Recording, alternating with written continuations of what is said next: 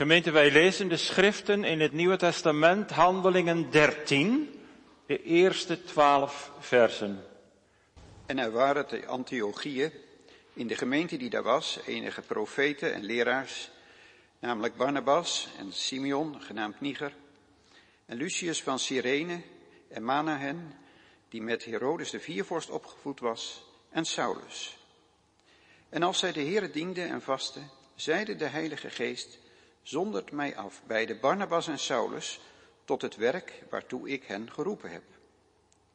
Toen vasten en baden zij, en hun de handen opgelegd hebbende, lieten zij hen gaan.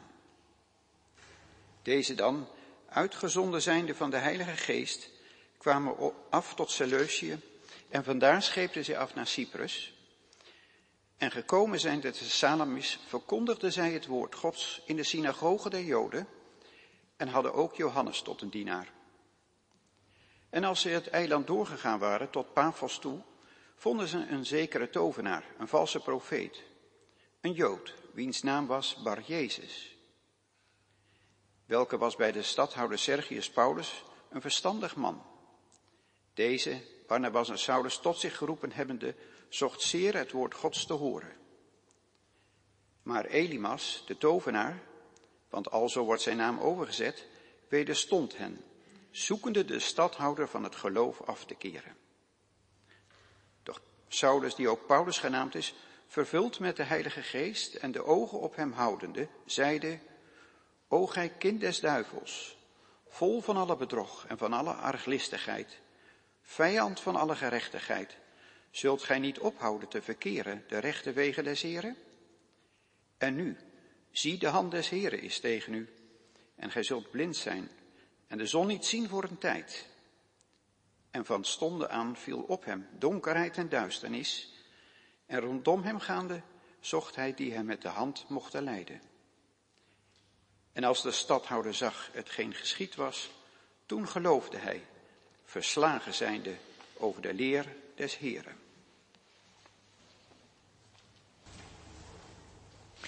Gemeente, de tekstwoorden. Nog één keer wil ik graag spreken over Antiochieën.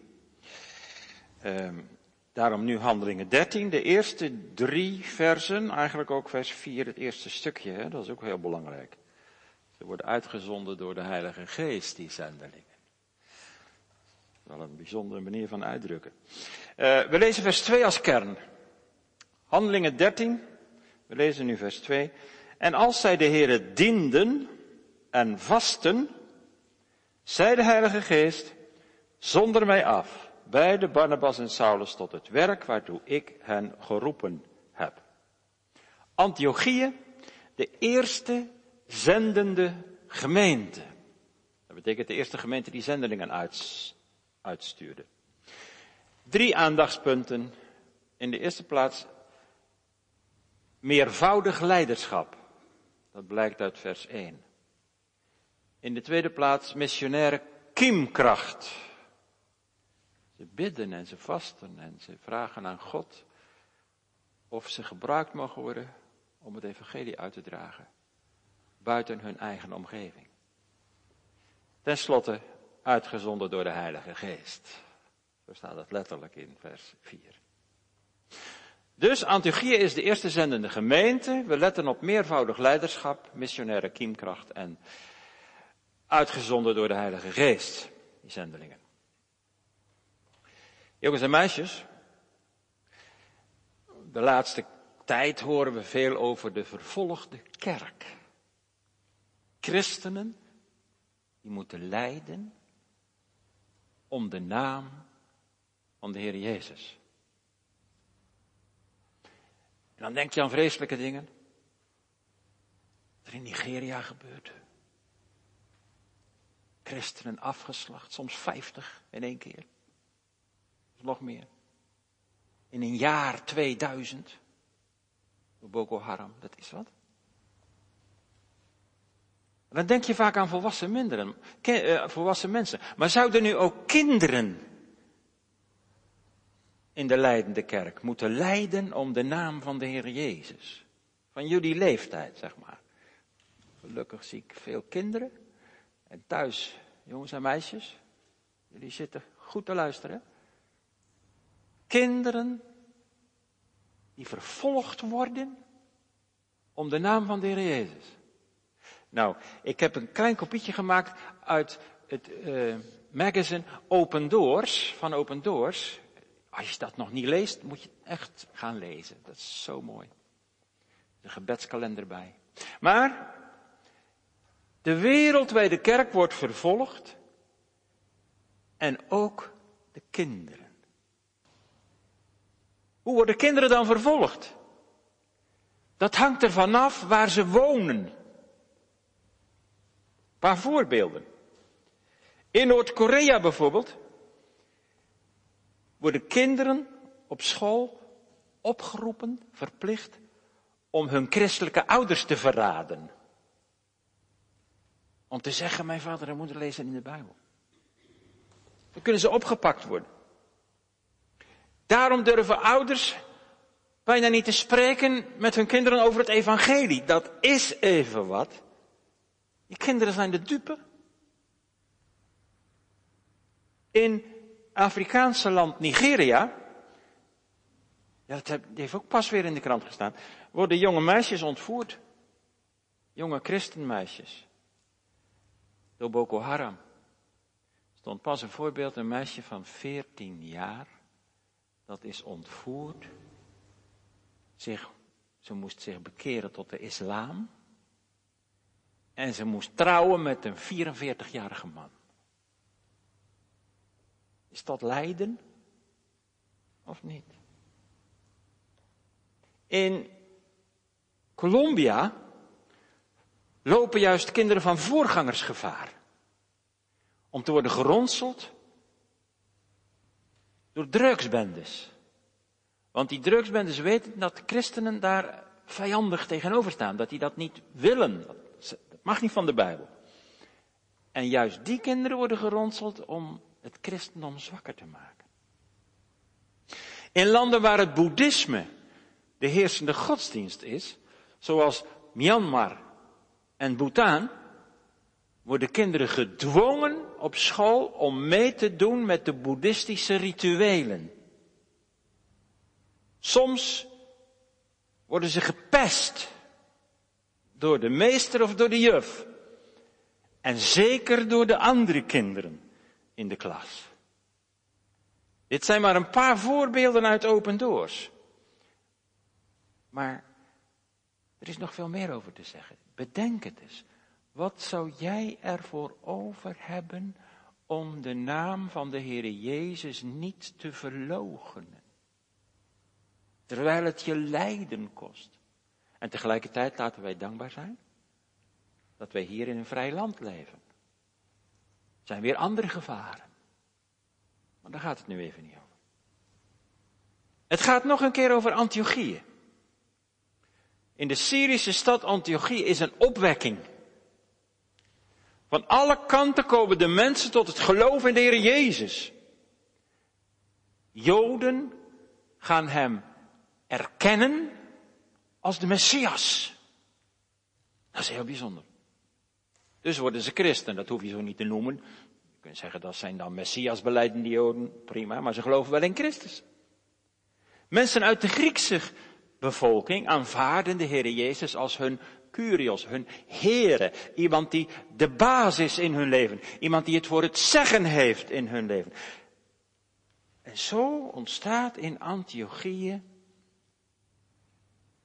de derde stad van het Romeinse Rijk, zo groot, een bloeiende gemeente van Joden, Grieken en vluchtelingen. De hand van de Heere is rust op de gemeente. De Heilige Geest is krachtig aan het werk in de gemeente. Hij coacht de leiders van de gemeente, dat was nodig, want er lagen geen programma's klaar. Alles was nieuw. Er was geen uitgewerkt beleidsplan. Er waren geen gebaande paden. Al gaande moesten ze ontdekken wat de bedoeling van de Heer was. En wat is nu het geheim van deze gemeente? Antiochieën. Wel, de eerste keer in de eerste preek zagen we dat de gemeente bestond uit Joden en heidenen. Dat was iets nieuws. Joden die in Christus gingen geloven en heidenen die in Christus gingen geloven. Heel bijzonder. Grote nadruk lag op het feit dat Jezus Heere is. En de leiding heeft in het leven van zijn kinderen.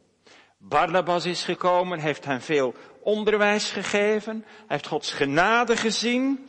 Hij was blij met dat nog prille werk van de Heilige Geest in het leven van die mensen. In de tweede preek zagen we dat het volgen van Jezus alles te maken had met je, met je levensstijl.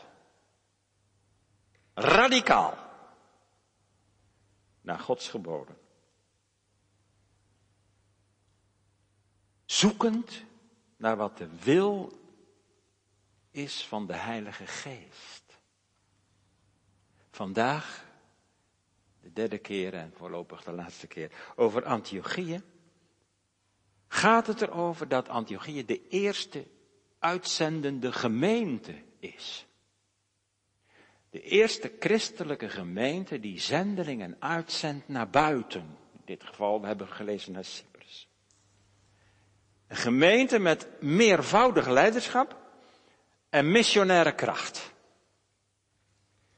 Eerst iets over dat meervoudige leiderschap. Plat gezegd zou je kunnen zeggen, ze hadden een multiculti kerkenraad. Allerlei soorten mensen van verschillende beschavingen zaten daarin. Dat blijkt uit vers 1. Lees maar mee.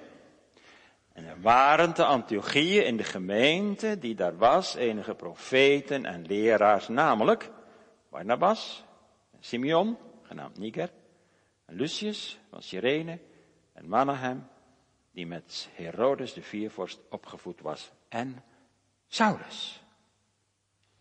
Hier blijkt dat de gemeente van Antiochië niet onder de leiding staat van één persoon, die alles te zeggen heeft. Er is een leiderschapsteam, wij zeggen daar nu kerkenraad tegen, van tenminste vijf oudsten. Ze zijn trouwens niet de enige zoals zal blijken, want in Handelingen 15 staat dat vele anderen met hen in Antiochië het woord van God verkondigden. Er waren senioren, maar ook jongeren. En die jongeren die kunnen weer veel, veel leren van die ouderen en hun levenservaring. En die waren met elkaar verantwoordelijk in de kerk. Zo kan een gemeente ook een nieuwe generatie in een gemeente ervaring opdoen. En groeien in het werk dat de Heer van hen vraagt. Die genoemde profeten en leraars dragen in de beginfase de verantwoordelijkheid voor de gemeente. Twee dingen vallen op. In de eerste plaats valt iets op in de namen van deze gemeenteleiders. Barnabas wordt eerst genoemd. En we weten wie hij is. Hij is een Jood. Maar hij komt uit Cyprus. Daar is hij waarschijnlijk geboren. En is naar Jeruzalem gekomen. Hij nam een vooraanstaande plaats in in de gemeente. Want hij was afgevaardigd door Jeruzalem om onderwijs te geven aan die jonge christenen. De tweede naam die genoemd wordt is Simeon. Hij wordt ook wel Niger genoemd. Is niet zoveel fantasie nodig om te bedenken dat Niger te maken heeft met neger. Dat is nu een beledigend woord voor sommigen. Maar een donkere Afrikaan, laten we het gewoon zo zeggen. Een zwarte zouden ze in Amerika zeggen. Die zat daar dus ook in de kerkraad. En dan is daar verder nog Lucius uit Cyrene, Cyrene, het tegenwoordige Libië in Noord-Afrika. Dat zou de gemeente wel heel goed van pas komen. Want er is ook, zij waren die, die twee anderen waren leiders van het eerste uur, maar die vierde man is Manahem. En die kwam uit Israël en die was opgevoed met Herodes de viervorst. En dat kwam goed van pas, om zijn leiderschap uit te oefenen, want hij was gewend om met welgestelde en invloedrijke mensen om te gaan. En die heb je in iedere gemeente. En dan was er ook nog Saulus, de gewezen fariseer, de tentenmaker, het Tarsus. Wel heeft hij college gehad van professor Gamaliel. Hij wist heel veel van het Oude Testament. En Barnabas heeft hem opgezocht toen hij in Tarsus was, teruggegaan na zijn bekering, om mee te helpen in de opbouw van de gemeente Antiochië. Dus er was een meervoudig leiderschap. Verschillende mensen die elkaar aanvulden met hun verschillende gaven. Daaruit bestond de gemeente. Joden, Grieken, vluchtelingen, buitenlanders. Je ziet zoiets al eerder in Handelingen 6 gebeuren, waar de Grieks sprekende weduwen worden achtergesteld en mannen worden aangesteld om in dat werk te gaan helpen. En die, de namen van al die mannen zijn notabene Griekse namen. Afkomstig uit de doelgroep die benadeeld werd. Die hadden daar de meeste affiniteit mee. Wat, wat een wijs besluit als je dat allemaal leest in de Bijbel. Dat blijkt dus ook heel belangrijk te zijn in de gemeente van Christus. Dat in het leiderschap van de gemeente verschillende groepen vertegenwoordigd zijn. Niet als een politiek pressiemiddel. Zo van, we hebben iemand nodig die onze belangen behartigt. Dat is werelds gedacht. Maar om geestelijk zorg te kunnen dragen voor al die verschillende soorten mensen. Wie beter dan Simeon of Lucius kent de noden en de zorgen van de Afrikaanse gemeente? Die in Antiochië trouwens waren neergestreken die mensen. Wie beter kende de vragen van de Grieken dan mensen die afkomstig waren van Cyprus? Hoorden bij de Griekse beschaving. En in die lijn werd zorg gedragen voor de gemeente van Antiochië door een kerkraad die heel divers was en, en ook heel representatief voor de gemeenteleden. Jongeren en ouderen. Doeners en denkers. Verschillende tradities en achtergronden waren vertegenwoordigd. Om zo goed mogelijk leiding te kunnen geven aan de gemeente. Dat, is, dat belang is heel groot, dat blijkt hier. Wat hier verder opvalt is ook nog iets inhoudelijks omdat er vermeld staat in vers 1 dat zij profeten zijn en leraars. Mensen die onderwijs geven. Wat een rijkdom is dat. Leraars die bekwaam zijn om het woord van God te onderzoeken en de betekenis ervan en het uit te leggen en toe te passen in het leven van de gelovigen. En profeten die ontdekkend spreken de woorden van God aan de gelovigen doorgeven, profetische prediking en onderwijs. Wat wijs. Niet voor niets staat het ons beschreven in de Bijbel.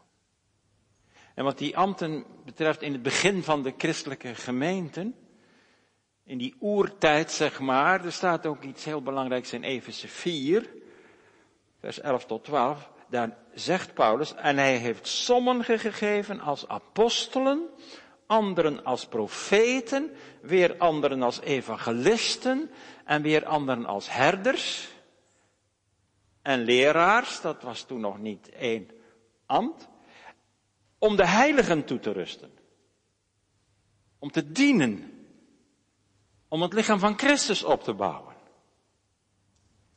Die leiders hebben dus als taak om de gemeente toe te rusten.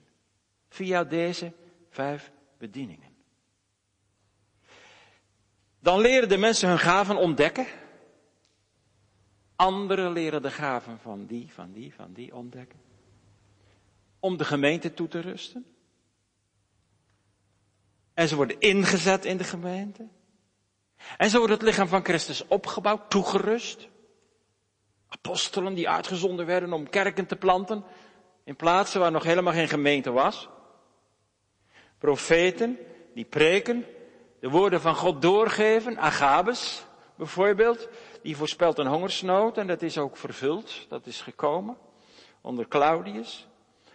Die profeten die ontvangen inzicht in Gods plan, in de bedoeling van God, in een bepaalde concrete situatie, in de tijd waarin ze leven en de plaats, de gemeente waarin ze leven.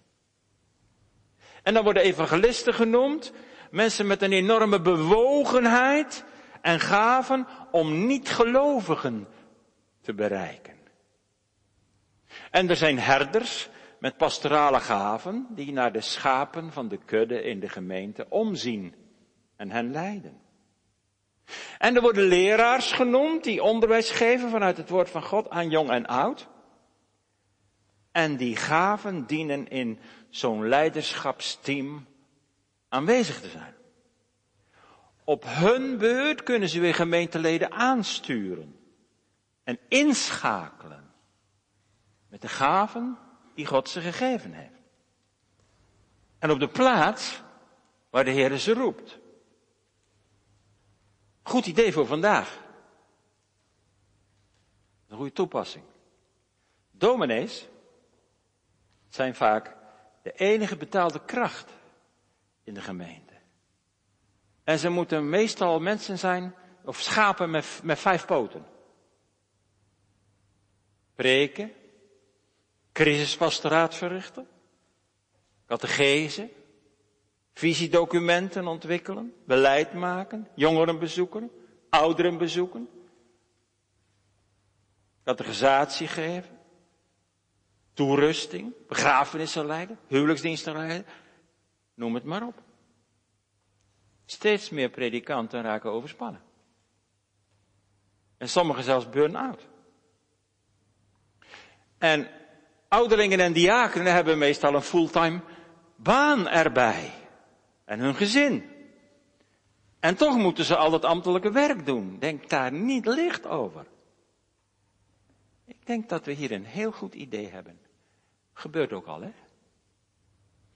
We denken aan JV-leiders en mensen die ingeschakeld worden voor bepaalde taken in de gemeente. Misschien zou het nog meer kunnen.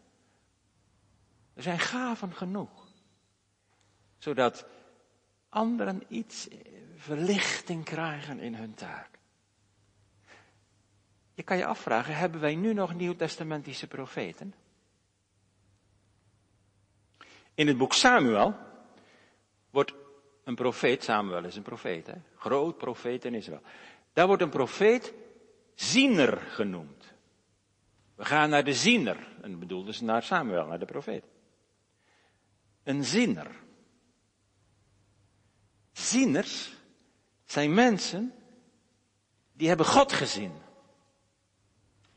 Niet letterlijk natuurlijk. Want God is geestelijk. Maar ze hebben iets van God gezien, laten we het zo zeggen. Gods heerlijkheid gezien. Zijn diepe zondaarsliefde gezien. God zien en dan de dingen van deze tijd en dit leven in het licht van God zien. Daar heeft de coronacrisis ook alles mee te maken. Hoe duiden we dat? De coronacrisis zien in het licht van God. Wat leert God ons daarmee? Wat hebben wij fout gedaan?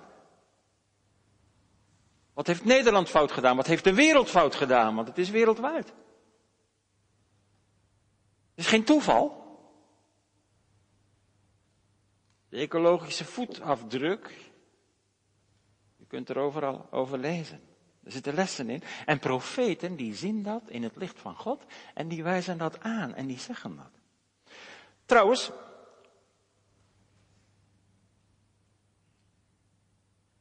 dat is ook in je persoonlijk leven zo. Niet alleen maatschappelijk. Als je een ziener wordt, als God je ogen opent voor wie Hij is, is een heiligheid en zijn heerlijkheid.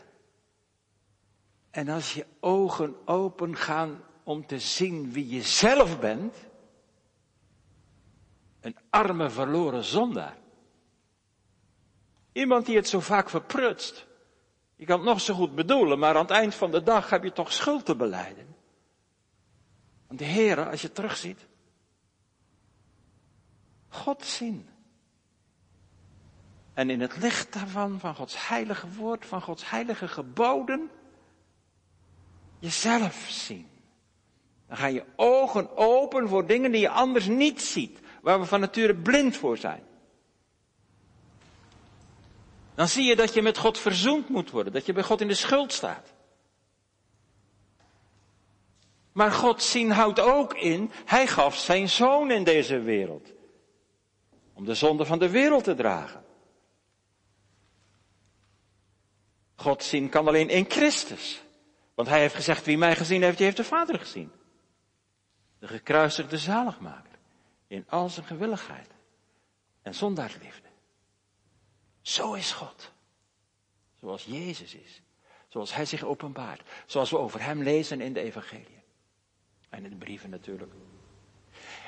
En als daar je ogen voor open gaan door Gods genade. Om iets te zien van God. En iets te zien van de heerlijkheid van Christus. Dan ga je met heel je verloren leven naar Hem toe. Dan ga je je zonden beleiden. En daar, in de schaduw van het kruis, worden schuldige mensen in de ruimte gezet. Maar is dat een genade? Dan verandert alles in je leven. Als je God hebt gezien. Dan komt alles in het licht van de eeuwigheid te staan. En dan gaat de liefde tot God branden in je hart. Ook dat anderen die nog in de duisternis zijn, gered moeten worden. Dan gaat de uitbreiding van Gods koninkrijk je ter harte. En dat is ons tweede aandachtspunt. Missionaire kiemkracht. Dat betekent het zendingswerk gaat leven. Het ontstaat. Het spruit uit. De eerste zendelingen worden uitgezonden. Vers 2. En als zij de Heere dienden en vasten, zeide de Heilige Geest, zondert mij af, beiden Barnabas en Saulus tot het werk waartoe ik hen geroepen heb. In deze gemeente ontstaat voor het eerst iets van een beweging wat wij de zending noemen. Paulus en Barnabas worden door de gemeente als de eerste zendelingen uitgezonden om op een andere plaats, in dit geval op Cyprus, het evangelie te verkondigen. En overal in het Romeinse Rijk nieuwe gemeenten te stichten. Een bijzondere stap, dat was nog nooit gebeurd. Wel een bijzondere gemeente eigenlijk, hè, Antiochië. Eerst Joden en Heidenen in één gemeente. Waar vind je dat? En dan de eerste zendende gemeente. Ze kwamen samen en ze bidden en ze vasten en ze dienen de Heere. Hier worden ook trouwens niet voor niets de eerste gelovigen, de eerste discipelen, volgelingen van Jezus, christenen genoemd. Hier begint de zending. De leiders waren bezig met hun werk, er werd onderwijs gegeven, er werd gedoopt, men vergaderde, men maakte plannen voor de toekomst, maar dan gebeurt het. In een samenkomst van de gemeente, terwijl ze de Heeren dienen en vasten, begint God tot hen te spreken. Dat ze samenkwamen om de Heeren te dienen en om te vasten, duidt erop dat ze ernstig op zoek waren naar de leiding van God. Misschien voelden ze dat er keuzes gemaakt moesten worden. Ze hebben begrepen dat de gemeente die zo groeide en zo groot werd, dat die eigenlijk veel te groot werd. En het groeiende besef was aanwezig dat ze het evangelie niet voor zichzelf mochten houden als gemeente, maar dat ze dan aan anderen moesten gaan doorgeven. En zo besluiten ze om te vasten en te bidden en te vragen aan de Heere wat ze moeten doen. Als uitdrukking van hun overgave en verlangen om leiding te ontvangen van God. En dan gaat God spreken. Het gebeurt allemaal toen ze samenkwamen om te bidden. Toen sprak de Heilige Geest, zonder mij af, Barnabas en Paulus, tot het werk waartoe ik ze geroepen heb. Paulus was al geroepen, direct na zijn bekering. In Damascus, in Damascus toen Ananias hem de handen oplegde. Toen was hij al geroepen om de apostel voor de heidenen te zijn. Maar daarna is hij in Arabië geweest, terug naar Tarsus. Ligt een hele tijd tussen. Hier bevestigt God dat. Een roeping heeft nodig om steeds bevestigd te worden. En Gods geest weet dat de velden wit zijn om te oogsten. En hij begint hier te spreken. God neemt het initiatief. De zending wordt geboren als antwoord op de roeping van God. Er breekt een nieuwe tijd aan van gebed en vasten. Opnieuw, want we lezen dat nog een keer in vers 3. Toen vasten en baden zij en hun de handen opgelegd hebben, lieten zij hen gaan. Dus opnieuw dat vasten en bidden. De hele gemeente doet mee. Ze voelen aan dat hier iets bijzonders aan de hand is. Zo worden Barnabas en Paulus uitgezonden met handoplegging, bekrachtigd door de Heilige Geest. Zie je de lijn?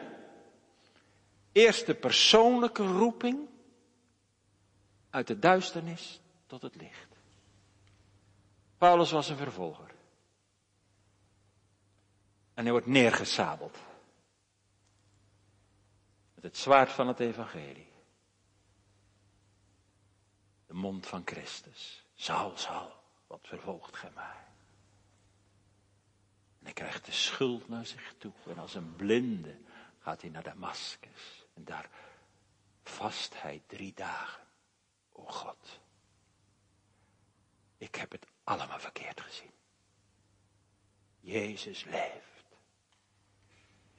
is tot bekering gekomen. En heeft vergeving van zonde ontvangen, want dat, dat, was de handoplegging van Ananias, hè, tot vergeving van zonde. Hij is gedoopt. Dat is een beeld van de vergeving van zonde.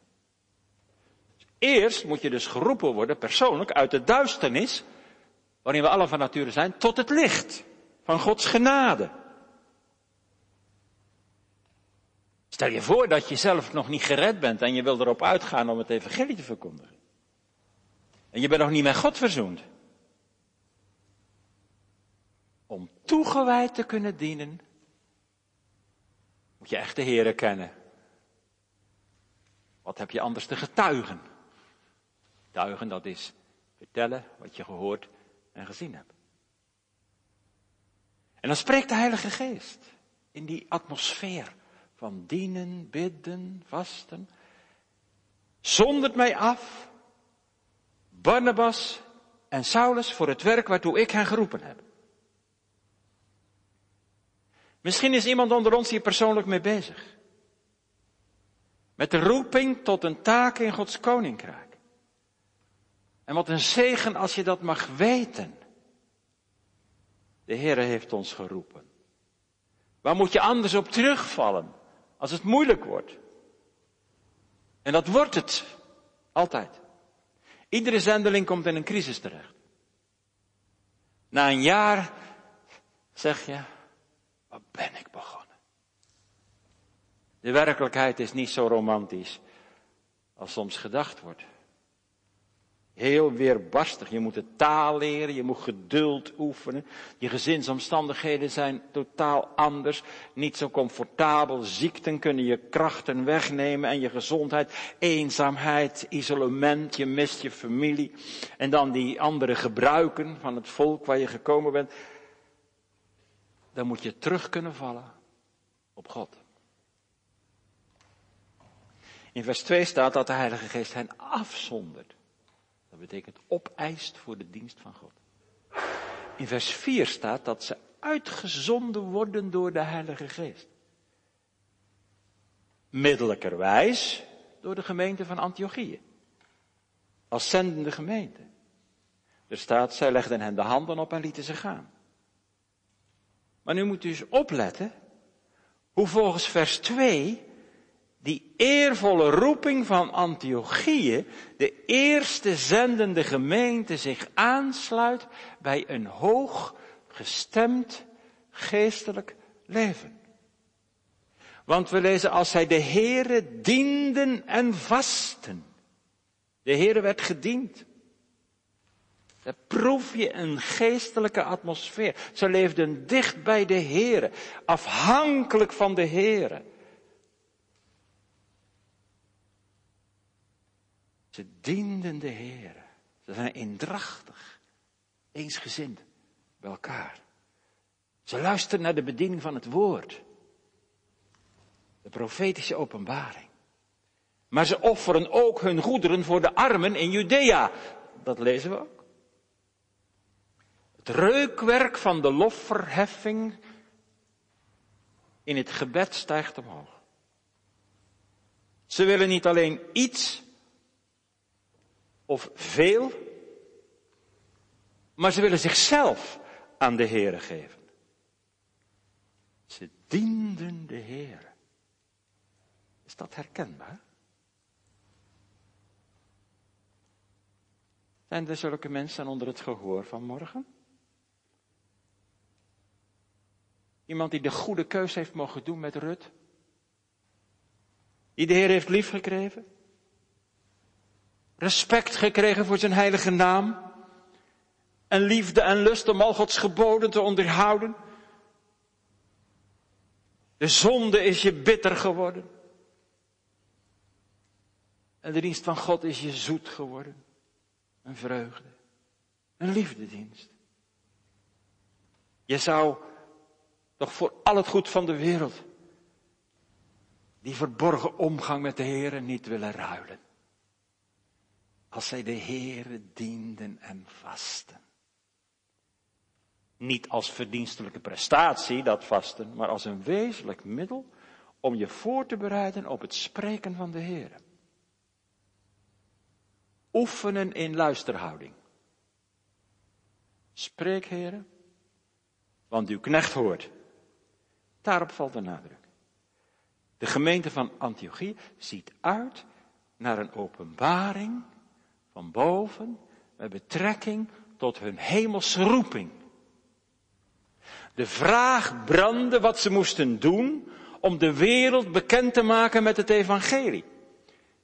Waardoor ze zelf uit de duisternis getrokken waren tot Gods licht. En ze waren ervan doordrongen dat ze tot getuigen geroepen waren. Maar wat betreft de tijd en de gelegenheid, wachten ze op een openbaring van de Heer. En God antwoordt. Dat is het derde. Antiochie, de eerste zendende gemeente. We hebben gelet op meervoudige leiderschap. Missionaire kiemkracht. En nu gaat het gebeuren, uitgezonden door de gemeente. We lezen vers 3.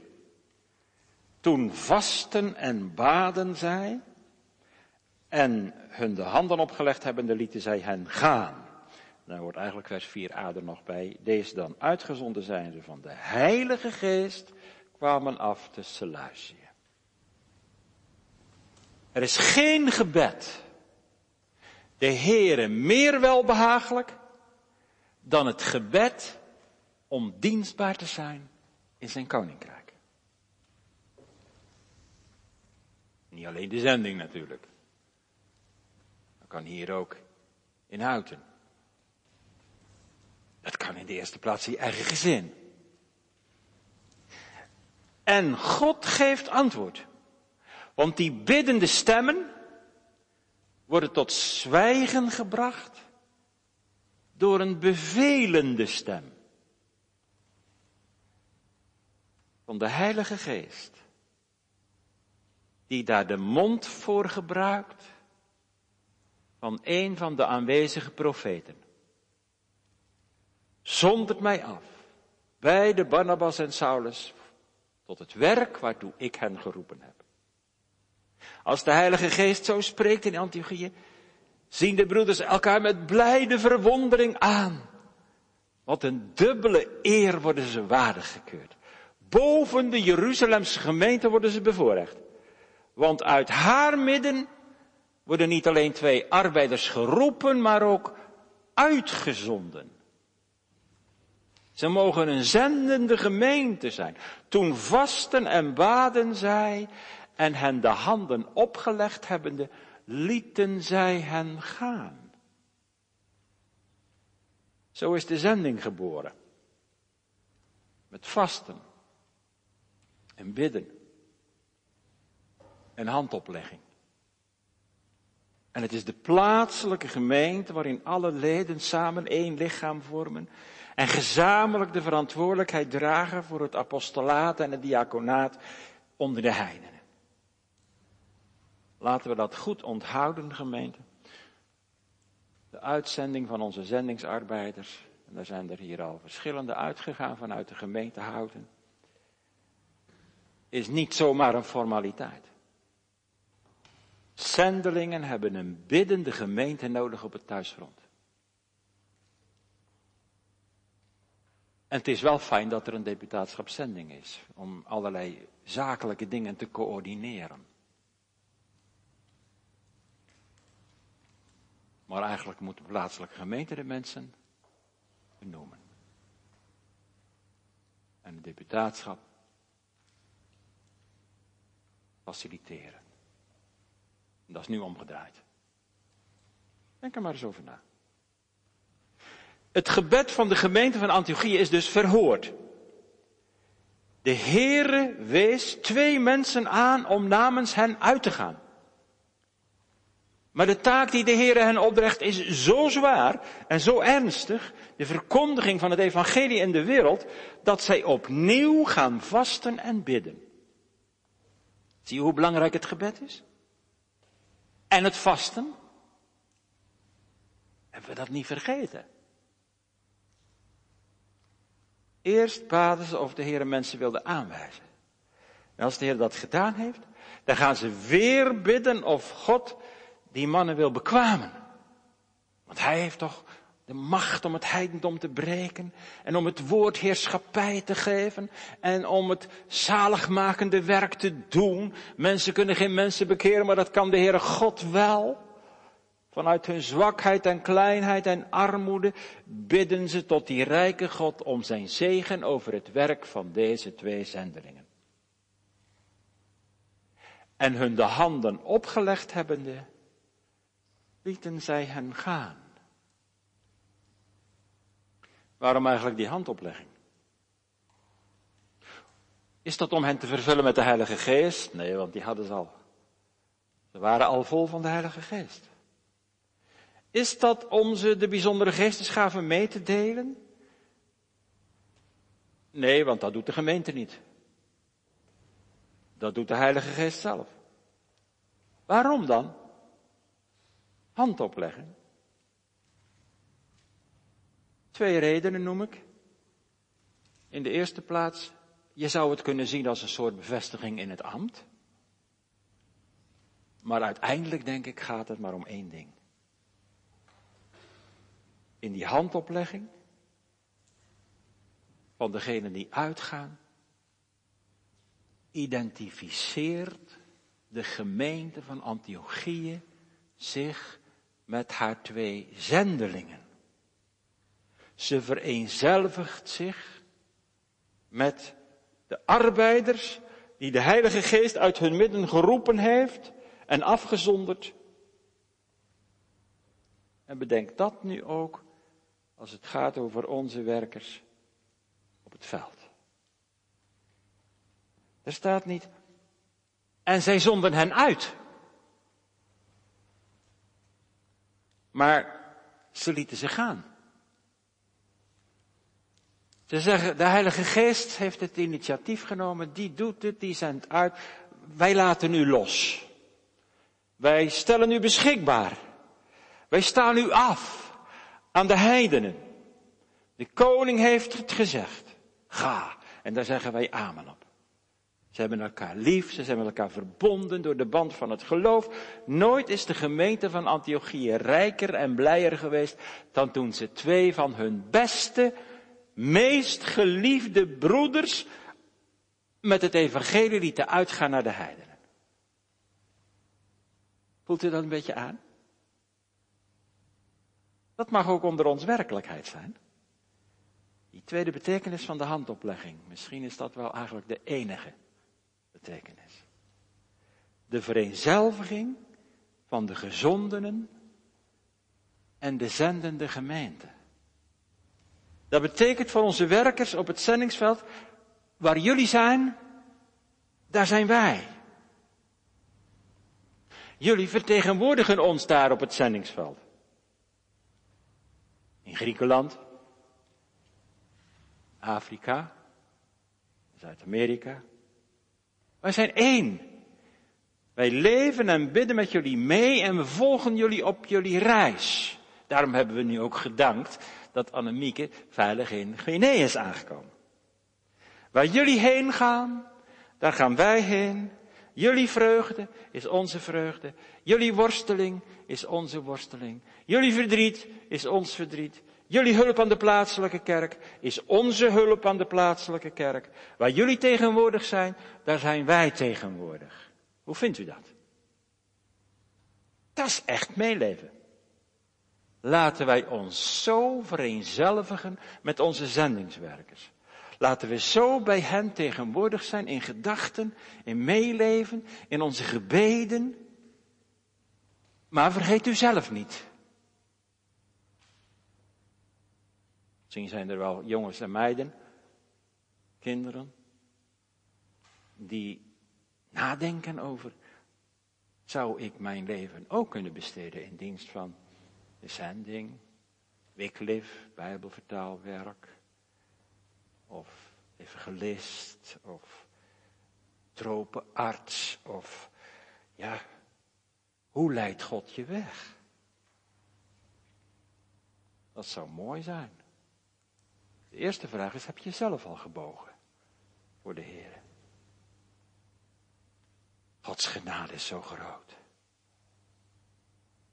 Zo groot dat er niemand in de kerk zit die zeggen kan dat hij uitgesloten is daarvan. Wat zou u hinderen om u te bekeren tot de Heer? Ja, maar dan moet je toch eerst een heleboel zondekennis hebben. Wees gerust. Dat is het werk van de Heilige Geest. Dat is geen voorwaarde. En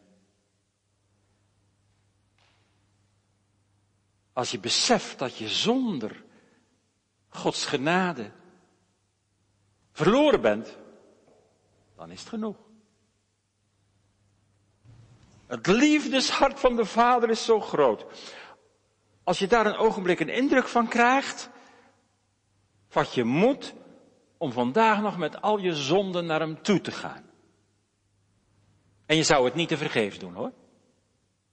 Want Gods genade is zo groot, die reikt tot de diepst gevallen zondaar. Meest verloren mens. Jij en ik, we kunnen allemaal in hem geborgen worden. Geloof het maar. Want dat is eigenlijk de kern van het geloof. Als we geloven dat de Heer ons ontvangt en dat zijn barmhartigheid zo groot is dat Hij ons echt erbij wil hebben. Als we dat echt geloven, dan, dan gaan we naar Hem toe. Dan schuilen we bij Hem. En dan vertrouwen we op Hem en dan verwachten we het van Hem. En wie het van de Heer verwachten, die zullen niet beschaamd nu niet en eeuwig niet.